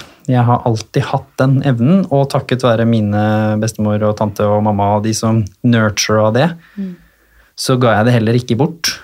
Fordi de fortsatte å speile at det var noe viktig og noe varmt i det. da. Mm. Som har gjort at jeg da kan like så godt intervjue en kvinne som har opplevd det, som om jeg kan intervjue en kvinne som har endometriose, på lik linje en svær mann som snakker om kriminalitet. Mm. ikke sant? Det er så kult, og for dere som ikke har vært på den hjemmesiden, dere må ta en titt. fordi det er, Vi er alle gjennom kriser eller sorg i løpet av livet. Det er liksom noe vi ikke kommer unna. og Der er det bare å skrive et nøkkelord, og så får du opp historie om akkurat det du er igjennom. Og jeg syns det er så unikt. Veldig lett måte istedenfor å skulle tenke at psykolog er det neste, så kan man faktisk prøve dette først. Det er gratis. Jeg, jeg syns det er dritbra det du har fått til. Takk. men for å mm, høre eh, hvordan du kom deg gjennom det eh, Min egen utfordring? Ja, din egen utfordring. Ja. Hvordan kom du gjennom det? I denne prosessen, når jeg var 27, og skaden og alt dette, og begynner å stille meg disse store spørsmålene, så dukker jo opp det som nå gjør at jeg kan sitte og snakke om dette er veldig reflektert og smart. Det var at det gikk opp for meg gjennom en øvelse som noen ga meg, som var Se på de store valgene du har gjort i livet Tør å anerkjenne hvilke alternativer hadde du her, og hvorfor valgte du det du gjorde. I dypet så fikk jeg refleksjonsoppgaver som jeg måtte gjøre. Gikk i dybden på dette her, og så begynner det plutselig å danne seg et mønster. og det er at Jeg alltid valgte det vanskeligste alternativet. Mm. Uansett. Og når du begynner å få nok alternativer, så skjønner du at da, ikke, da har du ikke valgt det du vil. Hvis du plutselig har ti store valg i livet, som jeg hadde gjort fram til jeg var 27, da. jeg tror jeg hadde 11-12, hvis du alltid har valgt det vanskeligste, så er det et eller annet som er off. Vi er ikke så glad i utfordringer, vi mennesker. Mm. Så da begynte jeg å tenke sånn, hvem er det jeg prøver å imponere? Hvorfor velger jeg alltid det vanskeligste? Og så skjønte jeg at det handla om at jeg ville få anerkjennelse. Jeg ville bevise at jeg var god nok, underbevisst. Ikke bare god nok, men ville bevise at jeg var eksepsjonell. Så eksepsjonell at disse menneskene som hadde rejecta meg bevisst eller underbevisst, skulle ta meg tilbake. At denne bestefaren som ikke snakka til meg på bygda, plutselig skulle bare si å herregud, eh, unnskyld, du har jo vært et fantastisk barnebarn, ikke sant? Mm. velkommen tilbake i livet mitt. Eller da denne biologiske faren skulle si for en tulling jeg har vært som ikke har fulgt deg opp, liksom. Det er jo heia, heia, ikke sant. Mm. Og så, midt oppi dette her, da, så begynner jeg å bli sånn Sånn kan jeg jo ikke ha det. Mm. Jeg kan ikke gå rundt at jeg ikke velger det jeg vil. Mm. Så da denne endringen med at jeg begynte å gå mot Leger uten grenser og Human Aspect og disse tingene begynner å skje.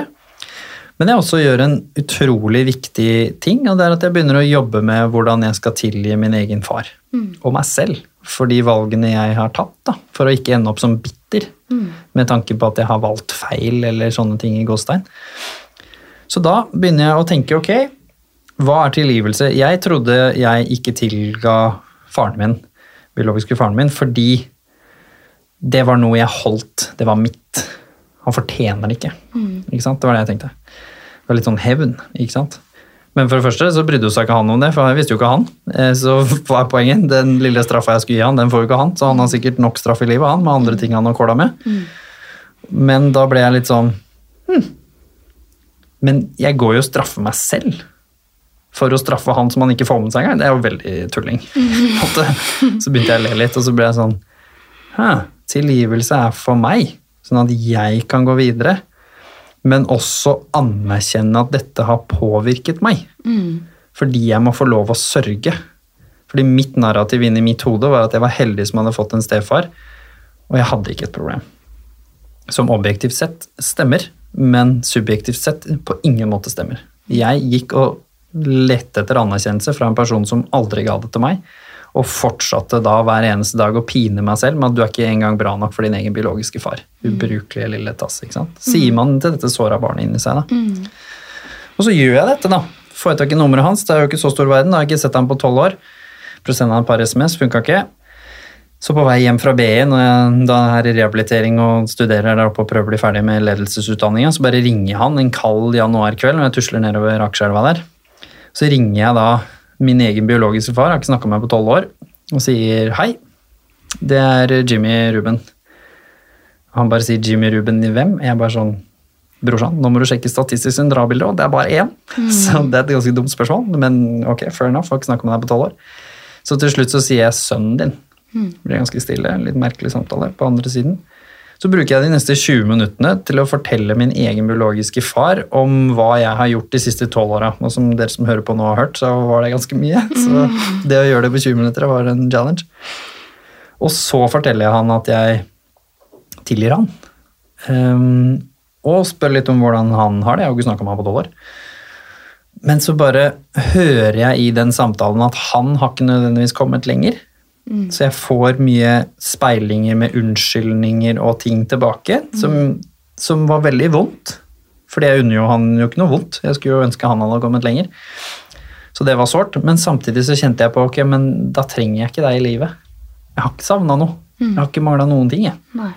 Men dette trengte jeg. Mm. Så når jeg la på, så kjente jeg det var som om jeg ble 50 kilo lettere. At jeg hadde turt å gjøre det. Det er ganske beinhard ting å gjøre å ringe noen etter tolv år. på en måte. Du har ikke snakka med dem engang. Ja, det, det er kjempesterkt av deg. Eh, Men jeg kan tenke meg at liksom man lager en sannhet om at du kanskje savner han i livet ditt, eller um, ja, det har tatt mye plass i livet ditt, og så skjønner du at når han ikke faktisk har kommet lenger, og du har kommet så mye lenger Noen ganger så må man bryte relasjoner, og jeg brøt en relasjon eh, selv, jeg, i sommer, um, med en som jeg anså som en av mine bestevenner. Så eh, går ikke inn på den historien, men eh, jeg følte meg letta etterpå.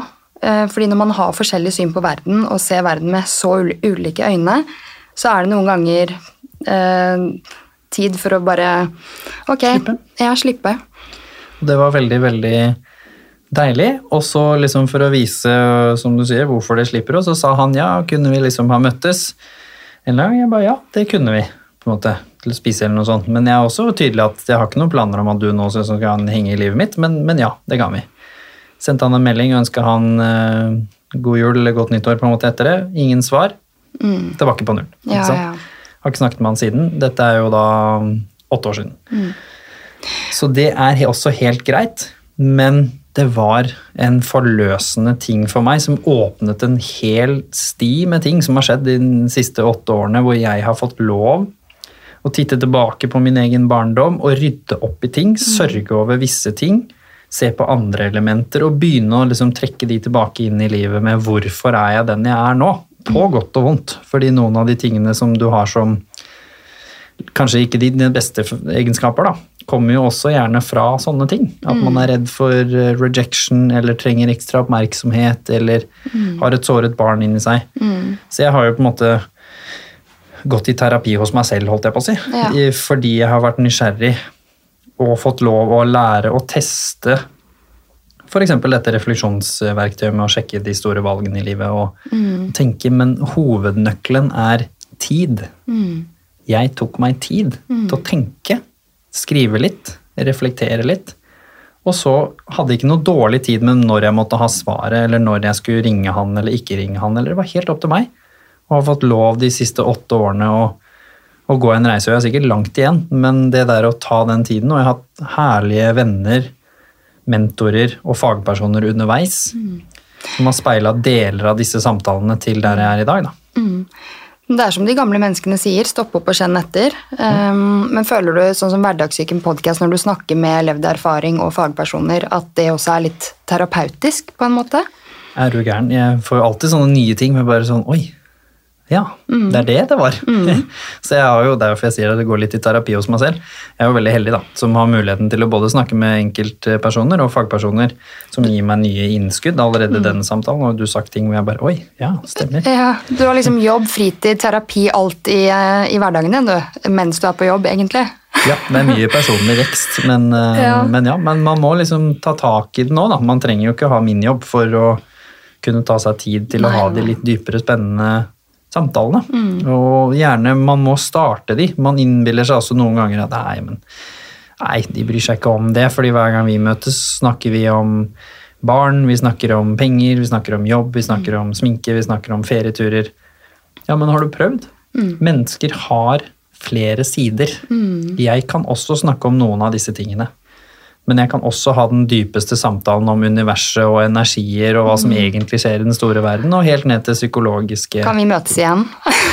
Ja, kan vi snakke om andre ting? Ja, om de dype tingene. Altså, jeg vil ha mer av det, for å si det sånn. For jeg, jeg syns det er få jeg møter på min vei. Selv om jeg merker at de gangene jeg viser sårbarhet og åpenhet, så får jeg det ofte tilbake. Ikke hos alle, men jeg føler meg aldri dum etterpå. Jeg, jeg liker Alle er å- ikke klare for det. Nei, alle er ikke klare for det. Men hva er det du har lært av eh, din livssituasjon?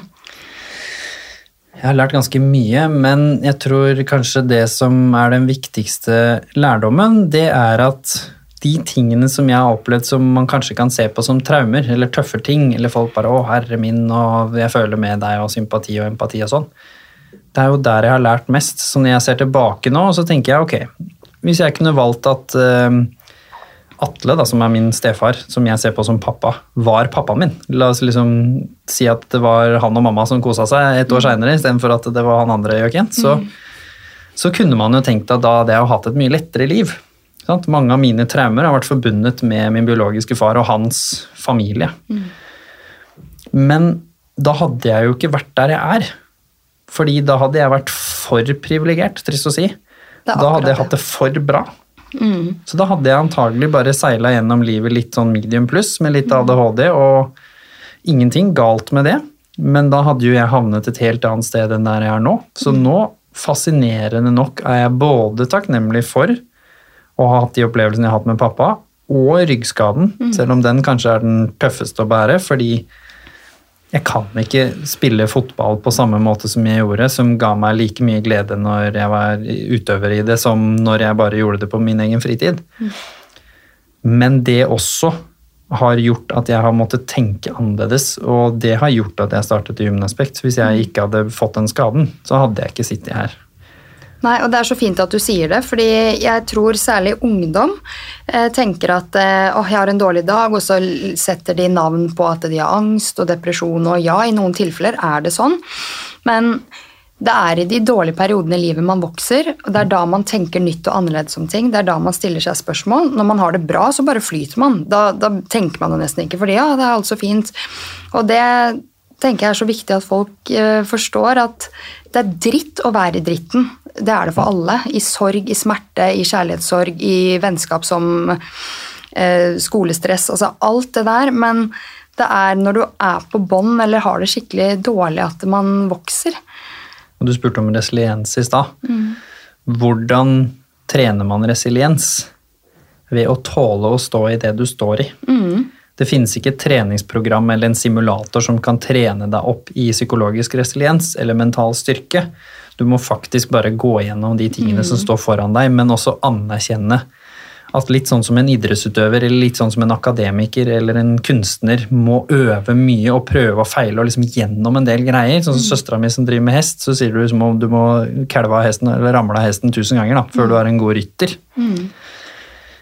Det er det som skaper resiliens. Mm. Men da må du klare å ha to tanker i hodet samtidig. Du må se at dette er tøft, dette er vanskelig, nå må jeg prøve å finne ut av hvordan jeg skal komme meg ut av det.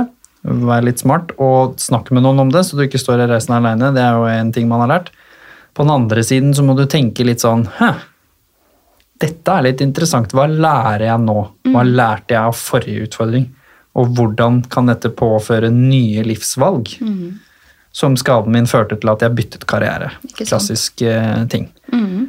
Da begynner livet å bli litt mer spennende også for de unge, fordi som du sier, man opplever ting hele tiden. Jeg opplevde mm. masse både på ungdomsskolen og videregående som i verden og konteksten av ungdomsskolen og videregående var kjempestore livsvalg. Mm. Alt fra et forhold du gikk inn i, til om du begynte å trene med det laget, eller at du flytta ut, som jeg gjorde på videregående midt i, i videregående. Det var jo kjempestore livsvalg der og da. Mm.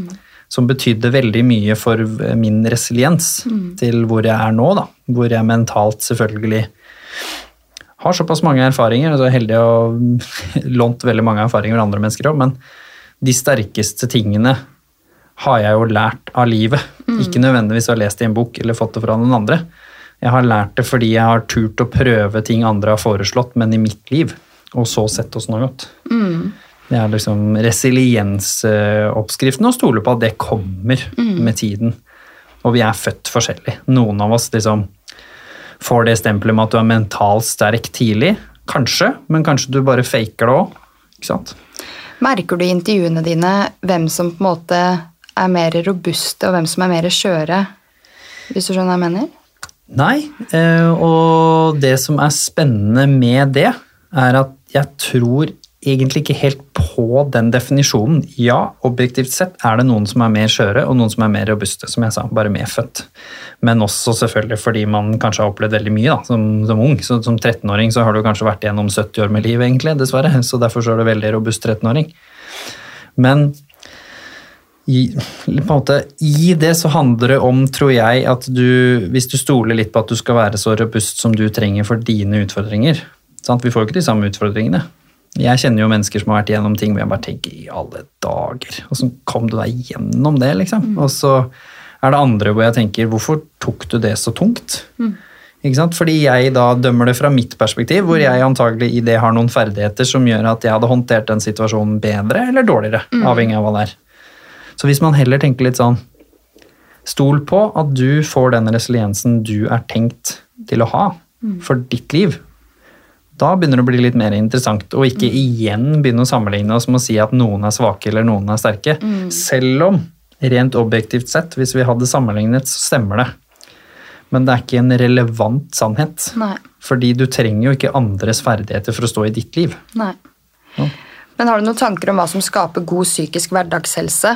Eh, fordi vi har på en måte aldri hatt det bedre, men det er samtidig ingen som eh, sliter altså, Er ikke det et fascinerende paradoks? Jo, det er veldig fascinerende paradoks. Så det er det Ja, hva tenker du her? Det er et fascinerende paradoks, men jeg tror at det er et relativt enkelt svar til hvorfor det er sånn. Det er fordi våre foreldre, dine og mine foreldre, de jobbet for at vi skulle ha det bedre enn dem. Og da var det mye snakk om det sosioøkonomiske. altså I Maslows hierarki så handlet det om å liksom være trygg, ha økonomi, ha utdanning til å klare deg. Trygghet var liksom nøkkelen. Janteloven passa fint inn i den boksen. Så vi har blitt skjerma fra veldig mye de fleste av oss. Og så har vi også levd i en økonomisk tid i Norge som har vært relativt stabil. Nå har den hatt noen oppturer og nedturer. Jeg sier ikke at alle har det bra økonomisk i Norge, på noen som helst måte. Men fordi det har skjedd, så tilbake på det jeg sa. Hvor lærer du resiliens? Av livet. Ergo, vi har hatt et objektivt sett litt enklere liv mm. enn de før oss. Objektivt sett. Mm. Mens noen av oss har hatt et kjempemøkkaliv og kompleks liv, og derfor er veldig resilient. Mm. Så når vi på en måte har gjort det, Og så kommer det masse nye utfordringer på toppen som ikke vi forstår. Sosiale medier, eh, klima, klima er ikke noe nytt det heller, men at det er så tilgjengelig. Og så har du polarisering og liksom ABCDFGH. Men kanskje den største negative faktoren vi har lagd i vårt eget liv, individualistsamfunnet. Der hvor jeg vokste opp på bygda og hadde en onkel som var vaktmester på ungdomsskolen og kunne bare gå inn til han. Nå bor jo onkelen og tanta di i fire forskjellige byer. sant? Besteforeldra dine jobber til de dør. Så du kan ikke gå til de etter skolen. Jeg var hos bestemor etter skolen, ja, på barneskolen, fordi mamma jobba. Ikke? Begge foreldra dine skal jobbe. Igjen, det er ikke noe negativt med det. Det er fantastisk med likestillingen, men vi må også anerkjenne at det har konsekvenser som gjør at, som du var inne på i stad, at foreldrene er mindre med barna sine. Ergo, det kommer til å få en konsekvens. Disse barna har ikke hatt de trygge, nære, gode relasjonene og er nå mer avhengig av andre ting i samfunnet.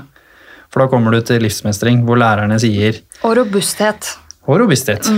Og så sier lærerne ja, men vi skal ikke oppdra barna dine, det er din jobb.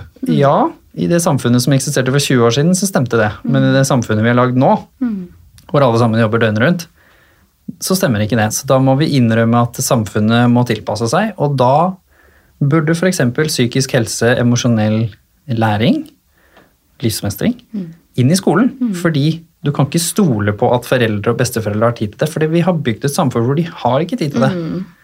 Så derfor så ligger mye av løsningen, tror jeg da, i at vi må få dette ordentlig inn i skolen, og så må vi kaste ut andre ting. Så må vi innrømme at liksom, disse tinga her, de er ikke viktig for livet. Så få det ut. Og så får vi inn andre ting som er viktig for at disse menneskene skal få det til. Fordi hvis vi går og sier det som vi snakket om i stad, til unge mennesker, hvor vi sier da at å nei, du er ikke egentlig deprimert, du bare føler det sånn. Eller som Peder Kjås, som jeg har på en måte eh, hengt ut litt, ikke fordi det er noe galt med han, men fordi måten det ble lagt frem på, og måten mediene spilte det opp på, så ble det jo sagt at ja, vi har gjort en revisjon her, og unge mennesker er bare litt svakere enn det de var. Mm. Sånn De har det ikke så ille som de forteller de har det. Altså, det jeg påstår at den måten det ble lagt frem på, ikke at han sa det, fordi han sa det i en helt annen kontekst, det var en lang samtale, men måten VG og Dagbladet og alle disse andre la det frem på, det førte konkret til selvmord. Nå sier du til de som står og føler på det, at du er svak. Ingen bryr seg. Hva er det for noe tull? Emosjonelt så føler denne 13-åringen at de har det sånn. Da må vi møte det. Hvordan skal disse menneskene som har mindre robusthet, for det er en objektiv sannhet pga. måten vi har bygd samfunnet Kunnskap, folkens. Hvis denne unge personen får det jeg ikke hadde Jeg var veldig robust som 13-åring. Men jeg hadde null kunnskap. Ikke sant? Jeg overlevde med robusthet, men jeg holdt på å dø fordi jeg ikke kunne fortelle hvordan følelsene mine hadde det. Mm. Så la oss gi vår unge generasjon det vi ikke hadde, da. Og ikke gå og gnåle om at de ikke hadde så like tøft liv som det vi hadde. For det kan, skal vi lage en krig da i Norge bare på gøy, sånn at folk skal bli robust? Nei, må vi slutte å tulle. Men vi kan gi dem kunnskap. Vi kan gi dem innsikt. Og viktigst av alt, et individualistisk samfunn, vi kan gi dem tid, folkens. Det du sa i stad. La oss nå ta litt tilbake og innrømme at vi har gått i feil retning på noen områder. Det er mulig å skape bitte litt mer tid med tantebarna våre, barna våre, men også på skolen, som lærer, som fotballtrener. Jeg har vært trener og basically vært eh, hobby-storebror til veldig mange unge mennesker, som da naturlig nok kom til meg. Noe så enkelt som at jeg tok T-banen med de. Så fikk jeg snakka litt med de. Var på cup, så da kjørte vi i bil. ikke sant? Hadde litt tid etter fotballkampene, for da sov vi over i Hamar. ikke sant? Alle disse tingene må vi anerkjenne at tar tid. Også, nå ser ikke dere det, men nå har jeg mobilen i hånda. Og så må vi legge ned mobilen når vi er med barna våre. Og så en enkel, konkret ting som kan skape dette. Fjern lekser. Ikke sant? Når barna er hjemme, så er man ferdig med skolen. Da skal man være med familien sin og ha emosjonell trygg tid Helt med de. For de som har et trygt eh, hjem, da. Det er jo trist å si det er mange som ikke har det. Men la oss ikke liksom gjøre dette oppgaven umulig, da. For den er umulig nok som man er fra før. ikke sant? Så la oss prøve å titte litt som samfunn på visse ting som det er på tide at vi endrer, fordi samfunnet vårt har endra seg. Og innerst inne så handler det om tid, omsorg, sårbarhet, som du sa. Og at dere som lytter på, helt vanlige mennesker, tør å begynne å prøve litt av disse tingene i eget liv. Det er ikke så krevende som Det er ikke det. man skulle tro. Det er befriende, og det er helt uh, amazing uh, følelse etterpå å bare ha disse fine samtalene eller vise sårbarhet, enten det er til partner, uh, i jobb, altså overalt. Så ta det med dere, folkens.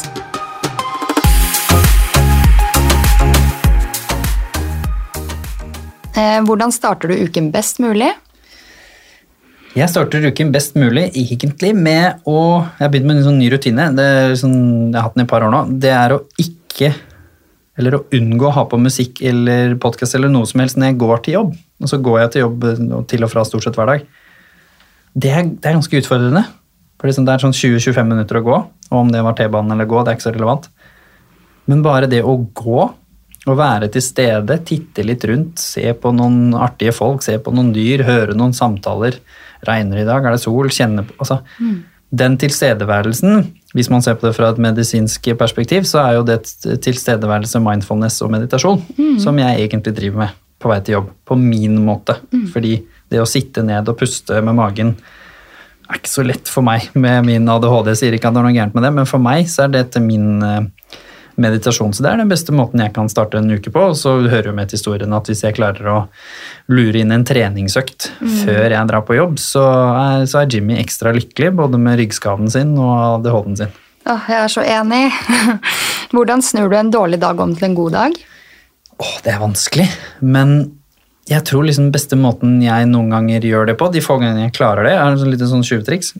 Altfor dårlig til å gjøre dette her, men jeg burde gjøre det oftere, så dette er en god påminnelse. Så har jeg en sang som heter Humankind. Det er min, men du kan sjekke den ut.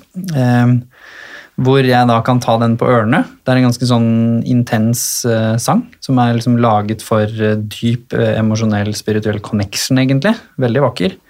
Hvor man, hvis jeg legger meg ned, lytter til den, og bare forsvinner litt inn i den, sånn syv minutter lang, så får jeg litt sånn reconnection. Så det kan hjelpe meg å snu en god dag. En annen ting, det er å lete etter noe positivt som skjer. Fordi i de flestes liv så skjer jo negative og positive ting om hverandre hele tida. Og det er veldig lett å fokusere på det negative når dagen har starta litt dårlig. Spesielt hvis den er veldig dårlig. Hvis du mista et eller annet på jobben eller fikk en kjip beskjed eller dårlig energi hjemme når du gikk fra partneren din eller kidsa dine eller hva det var. Så det da å liksom sånn aktivt lete etter det Manifestasjon er ikke så kompleks eh, eller mystisk som folk tenker. Eh, Vår bevissthet handler jo om at du gjerne trekkes mot det du fokuserer på. Så hvis man har det kjipt og tenker ja, nå er livet dritt, så fremhever du de tingene som er dritt, sånn som jeg snakket om i stad med pappa og pappa. Men hvis man da er litt sånn ja, det er dritt, den tingen, men hva er det bra som har skjedd i dag? Og så plutselig så ser du oi, shit, det er noen som har klippa seg på, på jobb. Men jeg bare, oi, gud, vi fikk levering av den tingen der i dag. Ja, der fikk jeg jo en positiv e-mail. Plutselig ble jeg stoppa av en Christian som forteller om at hverdagssyken var viktig for han eller henne. Da klarer jeg å, å snu en, en tung dag. Og så er jeg litt heldig at hjernen min er litt sånn langsint eller langfrustrert. Sitter veldig langt inne hos meg. Det, så jeg er litt heldig der også. at Det, det varer ikke så lenge. Det er ADHD-fokuset, så jeg er ganske kjapt over til noe nytt. hvis jeg skal være alene. Åh, det er bra råd. Eh, hva er du takknemlig for? Veldig takknemlig for veldig mye, men selvfølgelig først og fremst er jeg veldig, veldig takknemlig for alle de menneskene som jeg møter på i livet. Om det er deg hvor jeg blir invitert til en podkast, eller om det er noen jeg intervjuer, eller om det er de fantastiske kollegaene mine som både frustrerer livet av meg noen ganger, men som også er med å bygge human aspect. Um, og så er jeg selvfølgelig ekstra takknemlig for noen av de menneskene som står meg liksom enda nærmere. Som er de som tåler også at jeg er en person som føler byrden av det jeg bærer på, er frustrert. Eh, mister litt liksom roen og kan bli en dårlig versjon av meg selv. De menneskene som tåler det, som viser meg at det også er greit. Noen av mine nærmeste venner og relasjoner er veldig, veldig takknemlig for de, rett og slett. Mm. Og det er så viktig også at man ser hverandre eh, som et helt menneske, og ikke bare som den glade Jimmy på jobb, eller eh, For vi består av et spekter med følelser, og det å være sint eller lei seg eller nedfor er liksom like vanlig som å være glad. Man skal jo helst ha flest gode dager, men eh, jeg er helt enig i det du sier, og det å bli, eh, ha relasjoner rundt seg som kan stå i at du har en dårlig dag, det skjønner jeg du er takknemlig for. Veldig. Og det å tørre å få det ut det er veldig sunt. Alle emosjonene er jo egentlig informasjon kroppen din gir til deg som skal hjelpe deg å håndtere det du står i. Mm. Så hvis man er sint og frustrert, få det ut så godt du kan. Da. Det er jo et mm. veldig viktig råd fra min side også, om det er gjennom trening eller å heie på noe, eller en dypere samtale, eller å gå i skogen og skrike, liksom. Altså, jeg hadde en venninne som jeg ga en en kvist til eh, og sa til henne liksom, nå er du veldig sint her, se, så gå bort til den lyktestolpen der, den har ikke vondt av å bli slått med den der pinnen der, og så denger du løs på den pinnen der. Funka veldig godt for henne, hun lo litt og tulla litt med det etterpå også, mm. men bare det å liksom klare å få ut frustrasjonen på noe litt sunt, mm. som ikke da ender med at du går hjem med partneren din, og så har du gått og holdt dette her i flere dager, og så eksploderer du på partneren din, og så mm. sitter de der og bare Hva skjedde nå? Mm. Fordi de gjorde, ikke putta i oppvaskmaskinen eller et eller annet dumt. Mm. For det er det som gjerne skjer, da. Ja. De fleste av oss når vi ikke får ut bl.a. frustrasjon og sinne. To følelser som er litt skambelagt. Som vi på ingen måte er gode på, mm. her spesielt i Norge, konfliktsky flokk som vi er, tror jeg er veldig sunt. Hva inspirerer deg?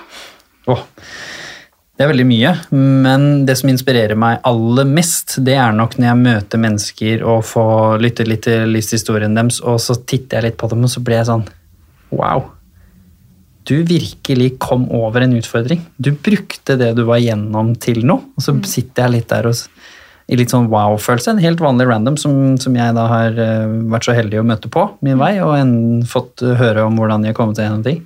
Jeg ble veldig veldig inspirert og påminnet om at livet er faktisk mulig å mestre. da. Selv de kjipeste, helt forferdelige utfordringer, men også de letteste utfordringer som emosjonelt kan føles umulig. Mm. Så det ble jeg veldig, veldig inspirert av. Også selvfølgelig som en som er veldig glad i idrett og fotball, så ble jeg jo litt inspirert av, av ting som er imponerende der. Og spesielt da de som kanskje har gode verdier i det, da, som jeg er liksom litt sånn ekstra opptatt av i mm. fotballverden. Og så blir jeg litt ekstra inspirert av mat. Mm. Elsker jo å lage mat, så hvis jeg ser noens eh, matkonto eller noe sånt nå, så tar jeg alltid med meg litt ekstra inspirasjon.